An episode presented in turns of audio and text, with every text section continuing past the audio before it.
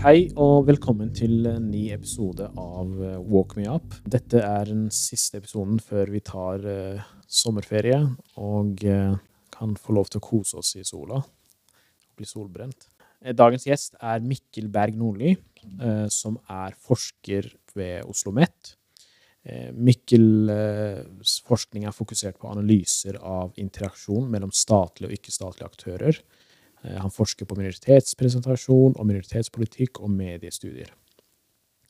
Og det er særlig urfolkspolitikk og eh, samiske eh, spørsmål som eh, Mikkel både forsker på, men som han også er opptatt av.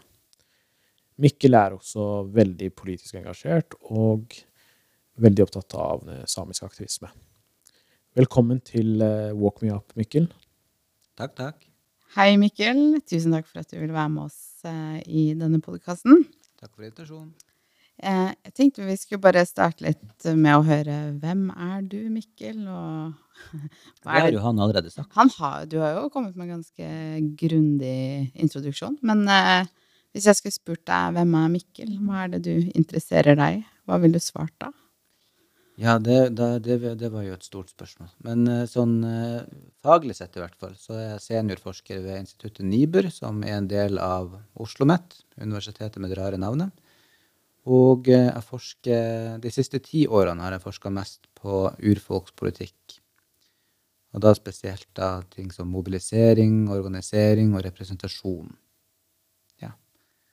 Det er bakgrunn som historiker av utdanning og har skrevet doktorgrad om russisk samepolitikk, men har i det siste skrevet mer om nordisk samepolitikk.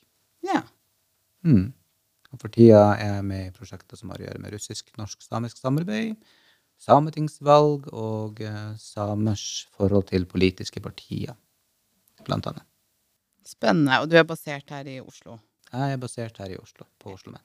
Tre uker siden så kom det ut en eh, rapport eh, som blir kalt Sannhets- og forsoningskommisjonen. Og den eh, kommisjonen ble utnevnt av Stortinget i juni 2018 og avleverte sin rapport 1. juni 2023. Og det er en kommisjon som fikk oppgave i å finne ut om eh, flere ting. Men kommisjonen skulle foreta først og fremst en historisk kartlegging som beskriver norske myndigheters eh, politikk og virksomhet overfor samer, kvener og norskfinner.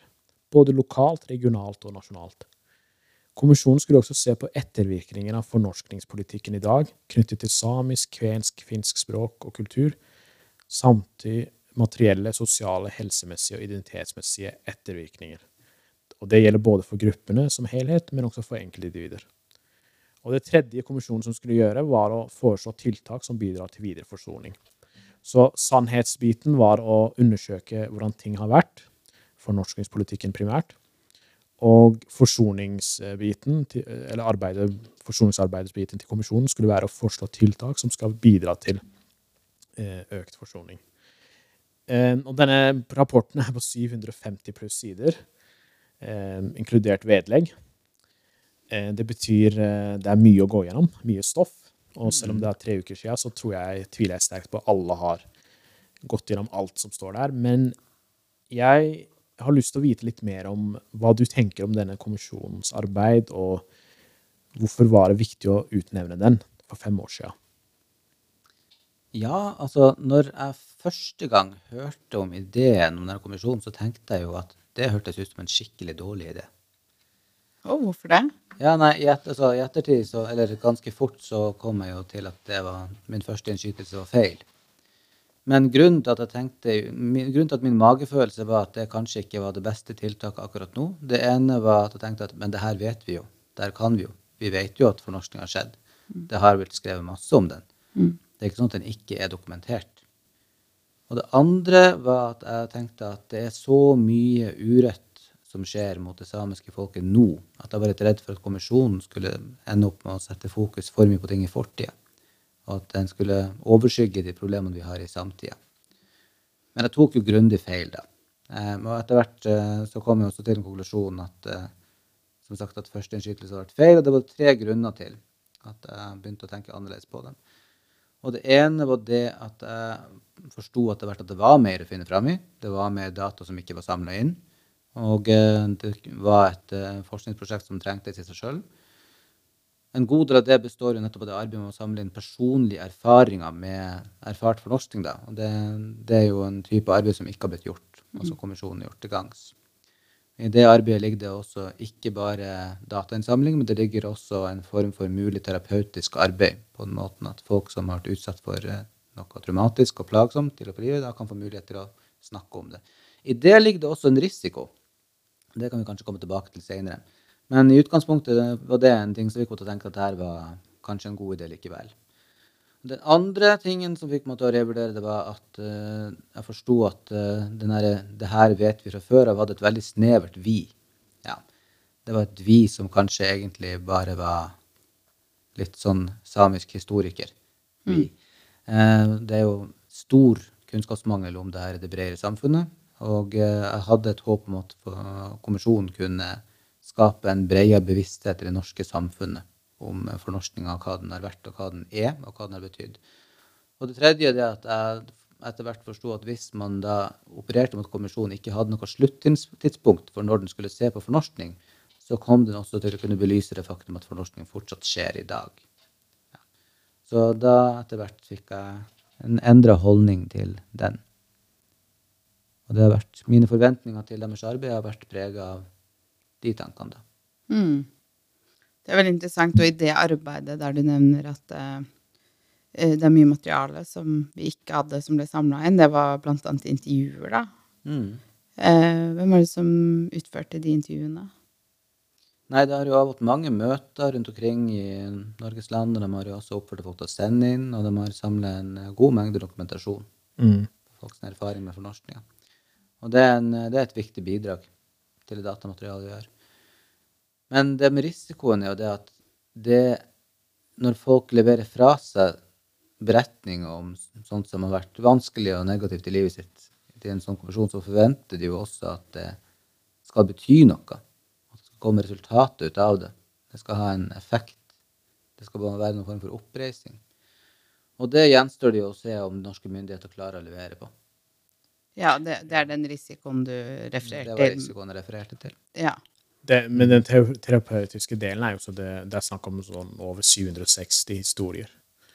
Eh, altså for så mange Det er første gang på eh, år og dager at um, nord, altså mennesker som har disse forskjellige minoritetsgruppene, samer, norske eh, kvener og um, skogsfinner, at det er første gang de kommer ut med disse historiene på en samlet altså på en mm. rapport, en kommisjonsrapport det har jo vært noe forskning som du sikkert har Det har vært mye forskning. Jeg har opplevd det sjøl også når jeg har gjort forskning på andre tema, politiske tema, tema om samisk identitet. Og folk, jeg har ofte møtt folk som helt tydelig har klødd etter å snakke om det. Og det har vært en bra opplevelse, for de har fått snakka gjennom de opplevelsene de har hatt med fornorskning og identitetsmessige problemer og vansker i møte med det norske og det samiske samfunnet hadde helt åpenbart en, vært viktig seg selv å fått sagt det til noen. Fått satt seg ned og gå gjennom sin egen historie på den måten. Og bare at noen hører på det i seg sjøl, har en, tror jeg har en god effekt for folk. Men eh, til kommisjonen så knytter det seg også noen forventninger om at jeg skal munne ut i et eller annet som gir oppreisning eller endrer på ting på et eller annet vis. Og det håper jeg jo at skjer. Men det kan ikke kommisjonen i seg sjøl vedta. De kan bare gi forslag.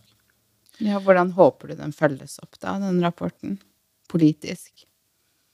Ja, altså, det er jo interessant, det der. Eh, fordi de, de, forslagene kommisjonen kommer med, de er jo På en måte kan man si at en god del av dem er litt vage. Eh, noen av dem er konkrete, mens eh, mye av det er mer vage oppfordringer til hvordan staten burde agere. Men noe av det mest interessante jeg syns kommisjonen gjør, er jo at den påpeker det de kaller implementeringsgapet. Og det er jo altså den avstanden mellom hva de norske myndighetene har vedtatt av samepolitikk, og hva de faktisk gjør. Og Deri ligger jo kanskje også noe av kommisjonen sitt problem når de skal komme med forslag, at veldig mye bra er jo allerede vedtatt. Det er bare at det er ikke er implementert. Mm. Så de påpeker jo eh, implementeringsgapet og vil at det skal gjennomgås. Og det, det, minner meg jo om noe Jeg husker rundt årtusenskiftet, når man snakker om uh, russisk urfolkspolitikk rundt årtusenskiftet, så ble det blant sagt at politikken på papiret er jo slett ikke så gal. Men det var noe med forskjellen i Russland og russisk politikk mellom det som står på papir, og det som skjer i praksis. Mm. Og nå kan vi se det om Norge. Mm. Har du noen konkrete eksempler på noe? Vel, Fosen-dommen er jo kanskje det mest ekstreme eksempelet på det her, da. Eh, når man ser at, en, at en, til og med en høyesterettsdom får ingen målbare konsekvenser. Ja, man ser det på mikronivå, f.eks. når eh, samiske familier skal prøve å skaffe samisk opplæring til barnefamilien. At når de tar kontakt med kommunen, så er det ingen som vet om at det her er en rettighet. Og når man har fått endelig skapt en slags forståelse i kommunen for at det er en rettighet, så blir det, opplever gjerne at det blir budsjettmessig nedprioritert. At det blir ikke, kanskje til og med også politisk motvilje mot å realisere det. Man blir motarbeidet politisk. Og til slutt sitter man der med en rettighet som ikke blir oppfylt. Det så, sånn, så, det blir litt sånn sovende rettighet, da? Litt man snakker om paragrafer som er sovende. Så retten eksisterer på papiret, men ikke i praksis. Mange steder blir det til slutt sånn. Man kan ja. bruke så lang tid på å prøve å få samiskopplæring for sine barn at til slutt så så, mye opplæring gått tapt. At det, var, ja. det er en ubotelig skade som har skjedd bare der. Ja. Man møtes av vankunne, og av mangel på lyst til å prioritere det, og av for så vidt innenfor ganske stramme budsjettrammer. Mm. Og uh, iblant også regulær politisk motarbeiding. Ja. Så det er en sånn typisk ting som uh, en del av det implementeringsgapet. Ja. Jeg vil tilbake litt til Fosen, for det er ikke sikkert alle som har forstått det juridiske aspektet. eller dette. Hva, hva, hva er Fosen-saken? Hvis du kunne bare gitt oss en sånn uh, veldig kort sammendrag av den. Den dommen. Helt kort så handler det jo om at uh, vindturbinene som er satt opp i reindriftslandet på Fosen, er satt opp ulovlig. Mm. At Høyesterett har kommet frem til at uh, det var et brudd på deres rettigheter, reindriftsnæringas rettigheter i området, at det ble satt opp. Og til etterkant av det så har ikke i etterkant av at dommen falt, så har ikke staten foretatt seg noe nevneverdig. Og det står i ganske grell kontrast til hvordan staten har reagert på dommer som dømmer mot samiske interesser. Ja. Det er jo nært å sammenligne med Alta-saken, hvor eh, når den dommen falt, så var det veldig klart og tydelig at regjeringa forlangte at det skulle respekteres. Mens i denne situasjonen så er det et helt annet, noe helt annet som utspiller seg. Og for, og for å være så tydelig, så er det snakk om 630 dager eller noe, hvor siden dommen kom. Jeg har ikke holdt tellinga siden de siste Nei. 600, men det begynner jo å bli noen dager mer enn det burde ja. vært, for å si det sånn. Ja. Ja. Og da er det jo påfallende at man vil ikke stoppe drifta mens man forhandler om hva som skal skje. Man uh, diskuterer ikke som om det er et menneskerettighetsbrudd som skal adresseres, men man prøver å utrede saken på nytt. Og det i seg sjøl er jo ganske rart når det lå utredninger til grunn for Høyesteretts dom.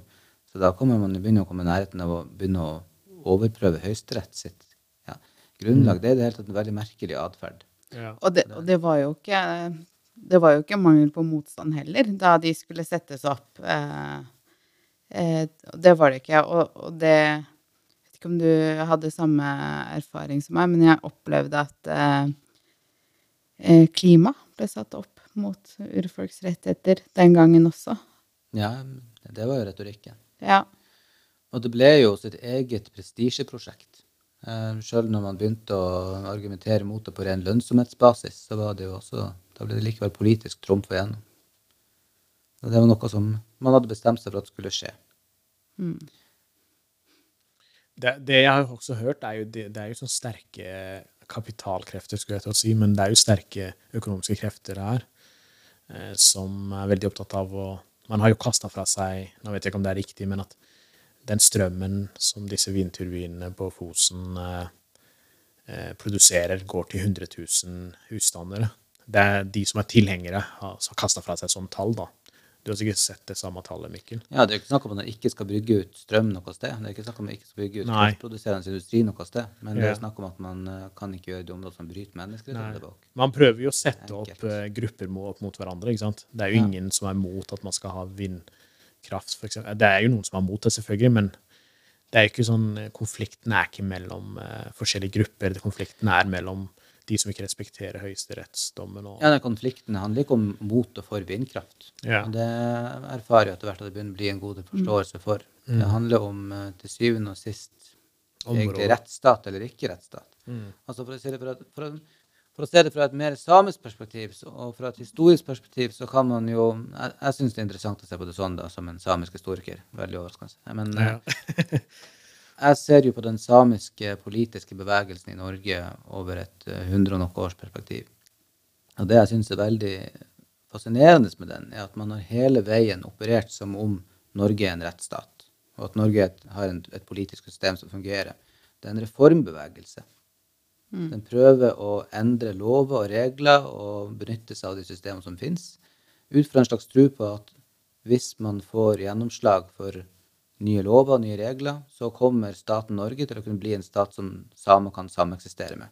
Og så kan det være en bra ting for samene. Mm. Sjøl under den hardeste fornorskningsperioden så ser man at man har den linja at man prøver å få staten til å slutte å, å jobbe mot den, og prøve å få den til å jobbe for den. Så det ligger en tillit i det. Og det er det som gjør Fosen-saken til en så utrolig akutt krise i forholdet mellom det samiske og myndighetene. Fordi her ser man at man har lovene på plass, man har regler på plass, man har Høyesterett med seg. Og da ser man at det betyr kanskje ikke noe. Mm. mm. Så da, det er en slags hundreårskrise i det norsk-samiske forholdet.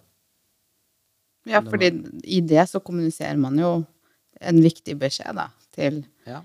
eh, samer, i dette tilfellet urfolk, at eh, vi bryr oss egentlig ikke om deres menneskerettigheter. Ja, det... Med mindre det passer oss. Det trekker teppet under hele grunnen. Altså, mm. det, det, får hele fundamentet i det samiske i forhold til norske myndigheter til å vakle fullstendig. Det har vært bærebjelken at man har den felles forestillinga om en rettsstat og et politisk system som tross alt fungerer, og som man kan jobbe innenfor. Men hvis myndighetene ikke engang respekterer Høyesterett når det kommer til samiske forhold, da, da, har vi en total krise. Og den krisen vil jeg si den bygger seg opp mm. dag for dag. Og det var vel du som skrev Jeg tror det var du som skrev på en Facebook-status eh, 6. februar, eh, da det var en sånn eh, samling, eh, feiring, eh, markering på rådhuset. Mm. Eh, og så pynter man seg også etterpå, når det er demonstrasjoner utenfor Altså, hvor er de resten av året? Hvor er myndighet, hvor er politikerne? Ja, det var vel i forbindelse med at det skulle komme noen fra regjeringa til uh, samisk skole i Oslo, ja. ja. det var en uh, Det var, det var uh, kanskje ikke helt passende gitt omstendighetene, nei. Mm. At Jonas Gahr Støre ville komme dit, tenkte jeg. Det var umusikalsk, rett og slett? Ja, nei, det er Det, er, det er jo så man lurer på om folk forstår sammenhengen i hva de driver med. Ja. Om de forstår at ting henger sammen. Mm. Om at de samene man har med å gjøre i den saken, det er det samme folket som samene man kommer og besøker på skolen. Det er en uh, Ja. Men hva tenker du det er viktig at uh, oss, vi som ikke er samiske, gjør videre nå? Altså, Fosen-saken er jo langt større enn det samiske. Mm den handler jo til syvende og sist om hvorvidt Norge skal være en rettsstat, og det angår absolutt alle. Mm. Så det, det, begynner jo gjerne med de gruppene som er lavest på rangstigen. At man begynner å bryte rettighetene deres, og så fortsetter oppover. Så eh, det er jo nesten et slags form for self-defense for ikke-samiske nordmenn også å bry seg om denne saken. Mm. Og ikke la det passere. Ikke la det passere at de som styrer det landet, setter seg over loven og over reglene. Som jo kanskje er noe man ser en del av for tida. Mm. Og det er egentlig riktig, det er veldig sånn eh, et poeng som jeg mener at forsvinner litt iblant. Det, det du sier akkurat der, Mikkel. fordi det er veldig enkelt for de som ikke er samer, å tenke ja, jeg sympatiserer med saken og støtter eh, aktivisten osv. Mm. Men dette er denne saken. Eh, I dag er det Fosen, i morgen så kan det være en annen høyesterettsdom som ja, ja, ja. den norske staten gir faen i. Eller gir beng i. Absolutt. Så det handler ikke om å sympatisere med samene. Eller ikke, det er jo veldig fint hvis folk sympatiserer med samene, men det handler ikke egentlig om det. Det handler om å verne om Retts, rettsstaten. Verne om det gode i samfunnet man sjøl bor i. Mm. Verne om sin egen sikkerhet til syvende og sist. Og det er en sak som, Den har jo en god del oppmerksomhet, men den burde enda mer, for det her angår absolutt alle. Og det tok litt tid før den fikk oppmerksomhet? Ja, det var jo um, det Eller før den fikk omfattende. jo en voldsom aksjon. En voldsom og plutselig og litt sjokkerende aksjon før den faktisk brøyt lydmuren. Og bare det er jo litt skremmende, at det her kunne pågå så lenge uten at media grep tak i det i større grad. Da, da lurer man jo på hva slags mekanismer det egentlig som er og går. Når, er det fordi den, kun fordi den handler om en minoritet at den ikke blir behandla som det det er, altså et angrep på rettsstaten? Hvorfor blir den ikke sett som det det er før, det virkelig la, før, det, før man virkelig tyr til det virkemidlet man gjorde noe i vår, som egentlig var ganske hard? At man skal kjøre voldsomme aksjoner i en uke i hovedstaden før regjeringa en gang innrømmer at Høyesterett har rett, sånn grunnleggende sett. Hva er det som skremte deg mest med retorikken eh, eh, rundt aksjonen? Altså retorikken i media og kommentatorer og kommentarfelt. Som skremte meg. Ja. Eller du reagerte mest på som Mens det sto på, så var det jo Merka jo ikke så mye til ting som direkte sjokkerte eller skremte meg, egentlig. Det virket som, da virka det som media begynte å få øynene opp for saken. I ettertid så var det noen dynamikker som var ganske sær, vil jeg si. Og det var når, spesielt når debatten som handler om et menneskerettighetsbrudd i Trøndelag, plutselig endte opp med å handle om fraflytting fra Finnmark. Og det, det var en veldig rar vending i debatten. Hvor man plutselig benytta denne anledningen til å begynne å snakke om at man ikke måtte hemme mulighetene for næringsutvikling i Finnmark. Altså Bare premisset her er jo veldig rart. At menneskerettighetene ikke skal kunne hemme næringsutvikling. Jeg vil jo håpe at bosetninga i Finnmark ikke avhenger av menneskerettighetsbrudd. Så det var en eh, underlig var underlig eh, utglidning av debatten. Ja, fordi det var rundt den tida eh, media fant en diverse ordførere i Finnmark som kom ut og sa næringslivet er også viktig for oss i Finnmark. Det er jo ingen som benekter for det, men det blei litt sånn rart når det er snakk om vindturbiner i Trøndelag. Jeg tror det var mange som tolka det her som at det betydde en slags blankofullmakt til å stenge ned alle industriprosjekter hvor det er reindrift. Altså, Fosen-saken er jo temmelig spesiell. Det er et Ja. område hvor det er allerede mange inngrep, og hvor man hadde andre forslag som var blitt oversett, og hvor eh, Altså, det, det, er, en, det er en grad i overgrepet som, overgrepet som ikke gjør at man kan direkte overføre det til en hvilken som helst annen situasjon. Men det er jo interessant å se at man var så rask til å slutte å snakke om menneskerettighetsbrudd mot en minoritet og rett over til majoritetens interesser. Og hvordan kan den her hvordan kan det å verne om minoritetens menneskerettigheter slå muligens negativt ut for næringslivet til majoriteten? Det var en eh, Men det er kanskje de avsporingene som har gjort det mulig eh, så lenge. At eh, Jeg erfarer jo at før var det kanskje ikke så mye snakk om det i det hele tatt. At det var vært lite oppmerksomhet rundt det. Men den debattavsporinga var veldig rar å få med seg. Og så er det en annen ting som Du har Det var den i Dag og Tid. Du var også involvert i en debatt der. Med forfatter Morten Strøksnes. Ja, det der. Det var var også litt rart, hvis du spør meg, så utenforstår det. Det, det, det var for så vidt flere som involverte den debatten, men det Ja, var jo en du var en selsom dem. affære i det hele tatt. Ja. Det var vel en, jeg vet ikke hvor mange innlegg det ble til slutt. Fire. Jeg tror det var fire firesiders innlegg i et såkalt essay, tror jeg han kalte det. Ja. eh, om løst og fast eh, om samiske ting og tang. Eh, med et tidvis ekstremt haltende faktagrunnlag. Og det, det er noe av det som altså, hele, altså det- Det besto jo egentlig Den debatten besto jo av at han hadde skrevet en føljetong som var full av direkte feil, og folk poengterte hvor han tok feil. Og det ble av mange oppfattet, Av en del ble det vært oppfattet som en slags flere sider av samme sak-debatt, men det handler jo ikke om det. Faktafeil handler jo ikke om flere sider av samme sak. Nei. Har man sagt noe som er faktuelt feil, så har man sagt noe som er faktuelt feil. Men Han hevder bl.a. at folk som bor i Troms og Finnmark, kan søke masse penger på rent etnisk grunnlag fra Sameting og fylkesting, og det er jo, det er jo feil. Det stemmer ikke. Altså det, så det er jo når man har debatten mellom fakta og ikke-fakta, og man framstiller det som at det på en måte er ja, en fin debatt, da tror jeg kanskje man ikke hadde forstått hva en debatt er. Mm. Nei, jeg nevnte den fordi du var en av de som, som du, du, er inne på, Mikkel, i tillegg til en haug andre forskere, eh, både samer og ikke-samer, som var involvert.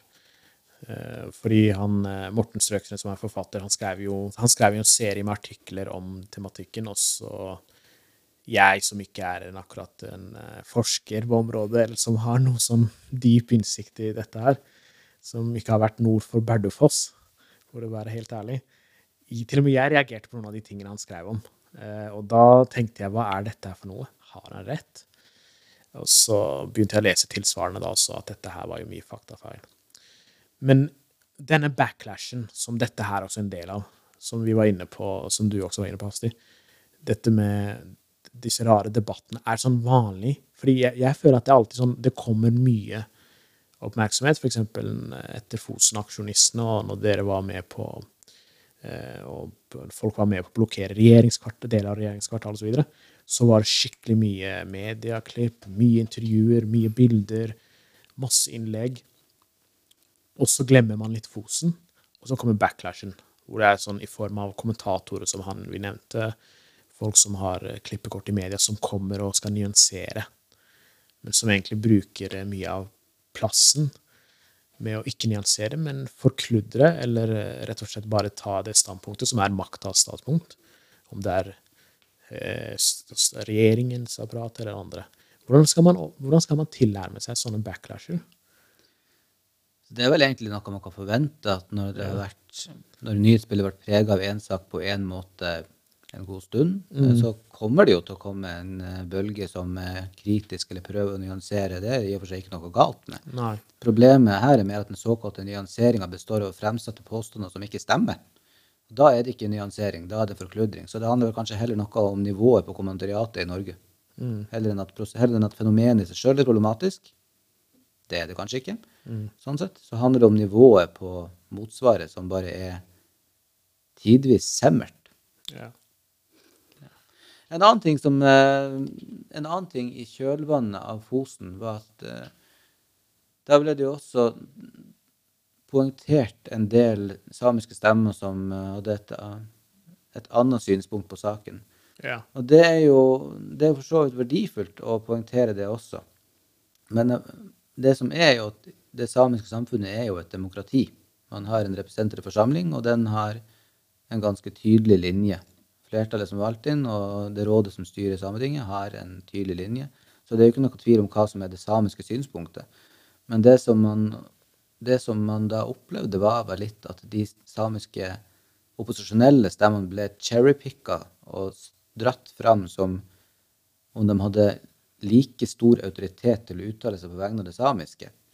Og det tenker jeg ut fra et representasjonsperspektiv blir veldig problematisk. Mm. Og her er det veldig viktig å være bevisst på at de samiske, de som er internt samiske opposisjonelle, de har selvfølgelig all rett til å uttale seg. De gjør på en måte jobben sin når de uttaler seg, for det er de representerer. Men det er når media da framstiller dem som at de er noen skal, skal høre like mye på som Sametinget, som en slags likeverdig motpart i det her, det er da det blir feil.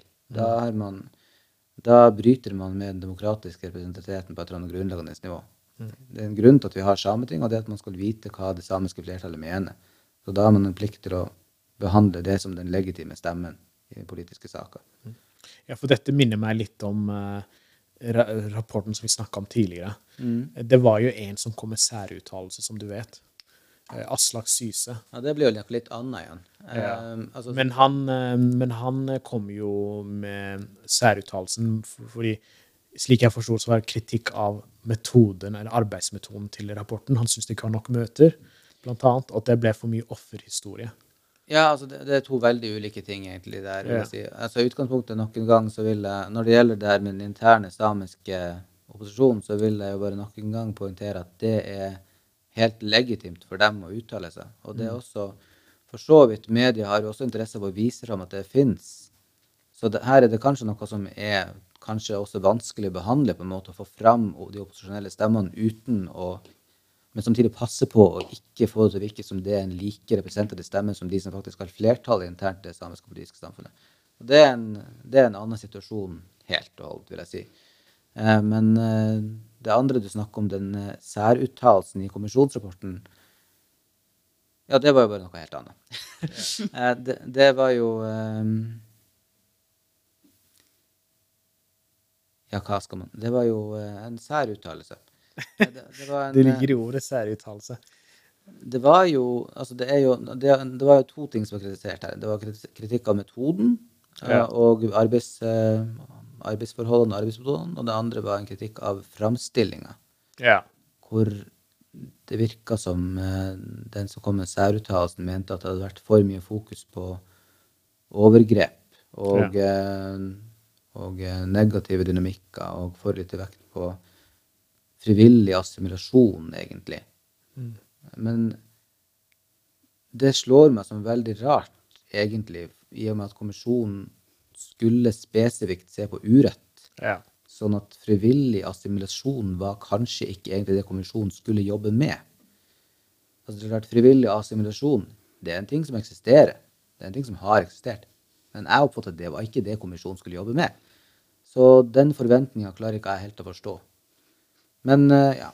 Det, jeg syns jo ellers det virker som kommisjonen har gjort en veldig god jobb med å klare å lage et felles dokument. Og det har jo åpenbart vært andre uenigheter internt i kommisjonen som de likevel har klart å sette egoene sine til side og komme fram til en felles tekst. Mm.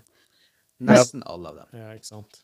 Det var jo Altså, under aksjonene så var det jo også et enormt samhold, da, som man kunne se. Eh, hvordan var det å være en del av det?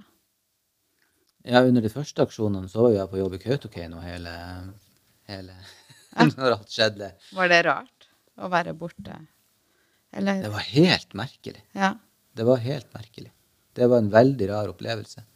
Å sitte der på det var, en, en, det var jo en løpende vurdering om å bare bryte hele det prosjektet og dra ned. Men eh, til syvende og sist så fant hun ut at det kunne rett og slett ikke. Men eh, det var jo den dagen man, eh, det var slutt og man kunne dra, så var det jo ganske mange som uh, samlet seg på flyplassen i Alta og var på vei ned. Og etter hvert fikk med seg på telefonen sin at nå var det slutt. Nå var det ikke egentlig noe å dra ned til. Mm. Men uh, det var jo Det varte jo litt utover helga likevel, med en sånn uh, hva, skal man si debriefing og nedroing. Eh, På den, den siste dagen så var jeg frivillig på Samisk hus i kafeen. Så ja.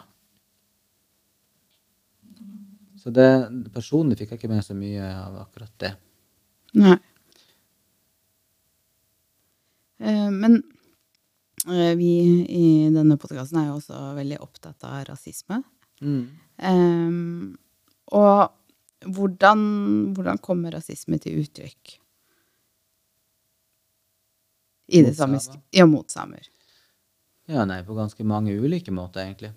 Altså, det er jo, rasisme mot samer har jo en veldig, veldig lang historie i norsk kultur. Den eh, det er vel, altså det er, jo et, det er jo et forhold mellom to folkeslag som har pågått omtrent siden de folkeslagene kan sies har begynt å eksistere. Så den, og eh, ugne holdninga har vel i noen grad oppstått tidlig, men selv om man bruker vel å si at det var fra og med fra med kristninga, kan man si, at det virkelig første store kilen ble kilt inn mellom de to folkene. Hvor man da fikk eh, Nordmenn ble som nasjon sett kristne, mens det ikke ble utført noen lignende, eh, noen lignende kollektiv eh, religionsskifte på samene. Så man da fikk eh, bilde av den hedenske samen som en slags kanskje man skal si første fiendebilde. Og assosiasjonen mellom, mellom samer og magi, som eh, faktisk fortsatt finnes. Og det er jo nesten som man eh, Det er nesten som man ikke skulle tro det, men det er jo faktisk fortsatt en del av det samiske negative stereotype bildet om samene, er jo den assosiasjonen mellom samer og, og svart magi og eh, den typen aktivitet. Så når jeg har gjort intervju med folk om deres erfaringer med hva de har blitt eh, anklaga for og utsatt for som samer, så er faktisk det noe som fortsatt en person, personer kan si. At de har fått det ryktet på seg. Ellers så har man jo utover eh, 1800-tallet så utvikla seg ideen om at samer tilhører en lavere rase. At det hersker noe negativt ved det samiske blodet i seg sjøl, og at man er underlegen. rent avstandsmessig. Og selv om vitenskapen eh, har forlatt raseteorien, så lever jo det videre på folket, så å si, på folkelig nivå hos ganske mange. Mm. Det å være same er en medfødt negativ ting som gjør at man har dårligere evner enn andre. Og at det hefter noe negativt ved det. Eh, så har man jo også ideen om at det samiske er kulturelt underlegent til norske, som er også veldig, veldig standhaftig og som gir seg forskjellige typer utslag som latterliggjøring av samisk kultur, at man eh, anser samisk kultur som primitivt, at man anser samiske, altså samer som lever moderne liv, som på noen måter usamisk, fordi det samiske per definisjon er det primitive. Det er ganske mye å forholde seg til der. Og så i det, i det, daglige liv så kan det og slett arte seg som at når man eh, på noen ulike måter blir synlig som same, så får man negative slengbemerkninger, man blir latterliggjort, man kan være mer enn vanlig utsatt for vold. Ja, den type ting. Og det med å være synlig same er en, eh, et interessant begrep i så måte, fordi jevnt over blir jo ikke vi sett som noe annet enn nordmenn. Men uh, det finnes likevel en del utseendemessige markører som gjør at spesielt noen deler av Norge så har folk en idé om hva som et stereotypisk samisk utseende er. Og at da kan man uh, få negativ, negativ behandling pga. det. Så man, man kan uh, være synlig same ved at man har en samisk aksent, eller er tilknyttet et spesifikt samisk yrke som reindrift, eller at man har et samisk navn, eller at man Ja, det er mange ulike måter man kan bli synlig på som same. F.eks. at man går med, går med samisk drakt, gekti. På den måten kan man plutselig bli sett og behandla deretter. Så det er jo under den verste fornorskningsperioden så var jo strategien til mange var jo å prøve å bli så usynlig som mulig. Fremstå mest mulig norsk på ulike måter i offentligheten. Eh, avstå fra samiske klær. Eh, prøve å ikke, i så liten så grad som mulig ha en samisk aksent. Noen skifta navn. Eh, jeg har snakka med folk som har bleika håret, til og med.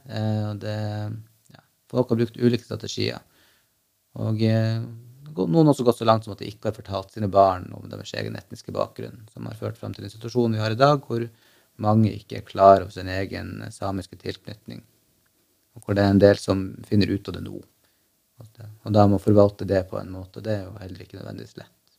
Så det har ganske enorme konsekvenser, da, både historisk og fortsatt i dag? Ja. Eh, diskrimineringa og eh, rasismen som samer har vært utsatt for, har har hatt store konsekvenser, og har det fortsatt i dag. Vi lever enda i kjølvannet av det her. Det er en prosess. Fornorskningspolitikk og rasistiske holdninger har delt oss opp, og i noen grad spilt oss ut mot hverandre. At eh, det påvirker samisk politikk den dag i dag. Hvordan folk, hvordan folk forholder seg til det samiske, og hvordan historie deres slekt har med det samiske. Jeg har noen, uh, finsk, altså, jeg har noen venner fra finsk side av Sápmi mm. som forteller at uh, når de kjører over til norsk side, så opplever de mye mer rasisme knyt, til, uh, knytta til sin same, samiske mm. Er det Jeg vet ikke om det er noe som man kan nødvendigvis si er systematisk riktig. Nei. Men det er jo ikke så godt å si heller, for Nei. det er ikke samla inn sånn gode, sammenlignbare data på det her. Så det vet vi jo ikke. Det kommer jo ikke egentlig si noe forskningsmessig om, om hvorvidt det er et hardere trykk mot samer i Norge enn i Finland. Og uansett så vil jo det være veldig stedsavhengig lokalt, både i Finland og i Norge. Mm. Så det er ikke noe sånn at Norge er spesielt kjent for å være rasistisk mot samer sammenligna med Nei, Finland, Sverige? Norge har jo hatt en kanskje I en periode i hvert fall hadde Norge det man kan kalle den verste politikken. De hadde den aktive assimileringspolitikken. Det var jo, Norge var det landet som i størst grad hadde en aktiv assimileringspolitikk mot alle samer. Ja. Så det er jo, sånn sett har jo Norge i hvert fall en periode vært verst. Mens i dag bruker man jo heller kanskje å si at rettighetsutviklinga er kommet lengst på norsk side. Men så var jo det spørsmålet da igjen om hvorvidt rettighetene blir praktisert eller ikke. Mm. Men at Norge i, per i dag er det landet hvor det er vanskeligst å være same, det vet nå ikke jeg. Det vet ikke jeg. Men det er klart, hvis man sammenligner kanskje Inari kommune i Finland med en, eh, en kystkommune i Finnmark, så det, vil man sikkert finne mer samehets i, i Norge. Mm. Sammenligner man derimot mellom Kautokeino i Finnmark og en helt annen kommune i Finland, så mm. altså det her er veldig lokalt. Mm. Det er veldig lokale variasjoner. Mm. Men eh, hvordan er det å være same i Oslo, da? Hvis man kan si, hvis vi skal snakke om det lokale. Er, er man mer synlig eller usynlig da? Ja, man er jo mer usynlig. Det er ingen her som skjønner, det er ingen her som vet stort sett hva det er å se samisk ut. Nei. Så her er man, eh, eller en gang gjenkjenne et samisk etternavn, stort sett. Eller, så her kan man, eh, jeg har hørt fra folk som har trodd at deres samiske etternavn, de har fått fortalt at de andre trodde at det var kanskje gresk eller noe sånt. Nei. Og folk gjenkjenner ikke nødvendigvis samisk språk når de hører det. Så, det, så man er på en måte Jeg har gjort intervjuer, og jeg hadde et prosjekt om samisk urbanisering tidligere, og der var det flere som sa at eh, det å flytte til Oslo på en måte var som en frihet, fordi her hadde man ikke Når de sammenlignet med stedet de kom fra, så hadde man ikke det agget mot det samiske. Og det har å gjøre med at Oslo har ikke gjennomgått en fornorskningsprosess. Fordi Fornorskningsprosessen er mange steder oppe i nord har den skapt en veldig problematisk forhold til det samiske. Som gjør at mange møter det med en stor motstand. Det går det, det, det vekker vanskelige følelser inni dem sjøl, som gjør at de, de kanskje møter det samiske med aggresjon, eller at man vil polise det og holde det nede. Alle dynamikkene slipper stort sett unna i Oslo. Sånn at uh, her var det Jeg snakka med flere her som opplever det som en frihet. At man, når man går i Oslo, så er man usynlig når man ikke vil være synlig. Og når man vil være synlig i Oslo, så møter man ikke på det samme agget, stort sett. Inntil man plutselig gjør det. Ja, for det kan jo også skje. Og det er jo klart, det er jo ikke, noen, det er jo ikke sånn at det ikke finnes samehat og samefrakt i Oslo heller. Jo, jeg har jo fått Jeg og mine barn har jo fått mine tilrop. Mm. Vår familie har jo hørt det iblant på 17. mai når vi er ute og går med Gakti, at vi har fått noen kommentarer. Så det, det er jo ikke sånn at det ikke har skjedd. Men vil likevel mitt inntrykk er at det er en eh, annen verden i Oslo enn andre steder nordpå. Og det er jo på en måte trist at det er i sitt eget hjemland, så å si, at man skal være mest utsatt for det her. Mm. Hva er det du syns er mest spennende å forske på? Oh, det er jo mye forskjellig, egentlig. Men uh, jeg har et prosjekt som skal starte opp, uh, et, norsk-svensk prosjekt som skal, jeg skal lede, som skal starte opp neste år. Uh, som skal handle om forholdet mellom eh, samiske politiske aktivister og politiske partier i majoritetssamfunnet. Et spesifikt fokus på det grønne skiftet og konflikter knytta til f.eks. kraftutbygging og eh, urfolksbruk av naturressurser. Det er jo temmelig aktuelt, Ja, ja. og det gleder jeg meg til å se litt mer på. spennende. Det skal vi følge med på. eh, Ikke sant, Mohammed? Det må vi gjøre. Jeg tenkte vi kunne gå litt inn på dette, fordi på denne podkasten så er vi opptatt av solidaritet, og det interseksjonelle, da. Som Ja. er et sånn fyord blant en del liberale og folk på høyresida. Eh, Ingen nevnt, eh, ingen glemt. Men hvorfor bør ikke-samer også bry seg om samiske rettigheter, og hvordan bygger man allianser på tvers av grupper i samfunnet? Du var litt inne på dette tidligere, dette med at man setter opp grupper opp mot hverandre ut fra det med kraftig utbygging som et eksempel. At man sier hvis man ikke har disse vindturbinene, så blir det ikke noe grønt skifte, det blir ikke noe klimavennlig politikk osv. Hvordan skaper man allianser? Hvordan, gjør, hvordan skal man få møtes? Fordi jeg husker Jeg, jeg kan si dette her også. Eh, Når Fosen-aksjonene pågikk, så var jeg veldig opptatt av at f.eks. antirasistsenter eller OMOT eller sånn, sånn veldig tydelige antirasistiske organisasjoner skulle også komme ut og uttale seg. Eh, og jeg vet jo at mange personer fra de forskjellige organisasjoner eh, gjorde det. Men for meg så er det veldig viktig at eh, antirasister er veldig tydelige på dette med støtten til eh, ikke bare etniske minoriteter, sånn som ser ut som meg og Hasti, men også urbefolkning og eh, samer og norskvener og eh, skogsfinner osv. Så, videre. så Mm. kort sagt, hvordan, hvordan skal vi ta Hvordan ville du angrepet det? Et godt spørsmål. Altså, I utgangspunktet når det gjelder saken, altså Fosen-saken og egentlig implementering av samiske rettigheter, så vil jeg jo mene at alle i Norge har en interesse av å se at de blir implementert, rett og slett fordi alle vil bo i en rettsstat. Vi vil ikke bo i et samfunn hvor myndighetene plukker og velger og vraker hvilke rettigheter de skal respektere, og hvilke de ikke skal respektere. Alle i Norge har en felles interesse av at alle rettigheter blir implementert. Så der bør man kunne støtte hverandre. Når det gjelder det her med det antirasistiske og det samiske, så det har jo faktisk vært litt sånn uh, vanskelig iblant. Uh, noen har vært veldig Hva skal man si Noen har kanskje forstått det mer, og noen har kanskje forstått det mindre uh, innenfor den bevegelsen. men det har kanskje sittet et stykke inne å forstå at rasisme kan ramme folk som har hvit hud, ja. som jo de aller fleste samer har. Ja. Eller jøder, eksempel. Ja. Antisemittisme. Det, har, det her har jo noe å gjøre med at det er så lav forståelse i det norske samfunnet generelt for det som samer har blitt utsatt for.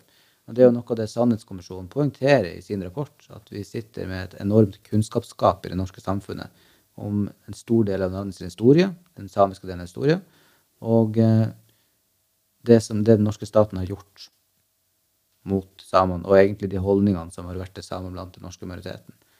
Og når man ikke kjenner denne historien, da er det kanskje ikke så rart heller at man ikke helt skjønner at det antirasistiske har en stor plass i arbeidet med samiske forhold.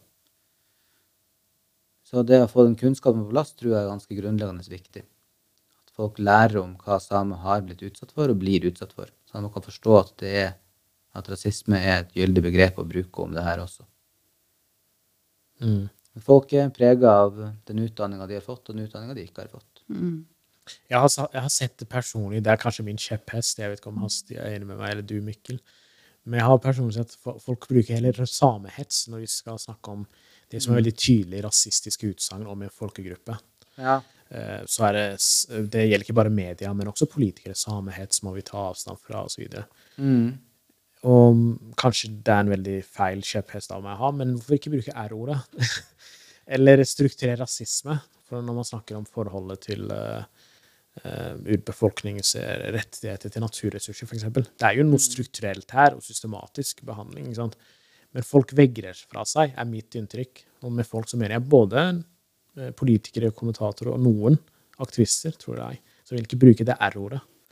Er det noe du har Altså med r-ordet som en rasisme? Ja, rasisme, ja, vi skal ikke bruke det. For å tydeliggjøre det. Det er jo en viss angst for å bruke det ordet i det hele tatt. Ja, ikke sant. det tidvis blir uh, liksom verre å kalle noen for at, å si at noen er oppholdt seg rasistisk enn det oppfører seg rasistiske, i seg sjøl. Mm.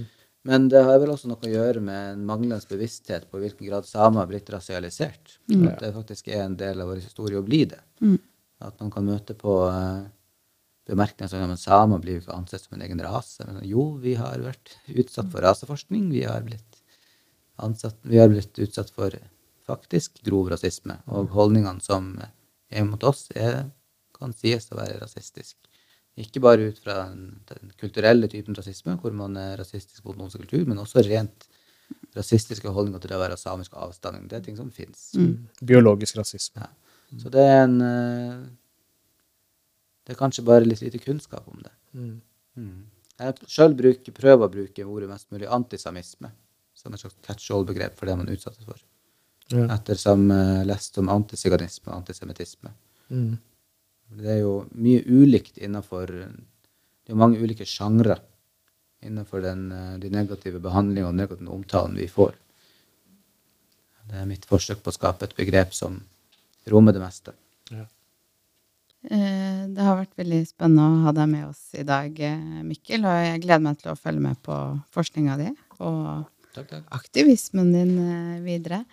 Jeg lurer på, før vi avslutter, om du har lyst til å si noe om Er det noe du er positiv til i kampen? Om det er noe jeg er positiv til i kampen? Ja. Det er jo ganske mye, egentlig. Ja, Vil du dele litt, dele litt med oss?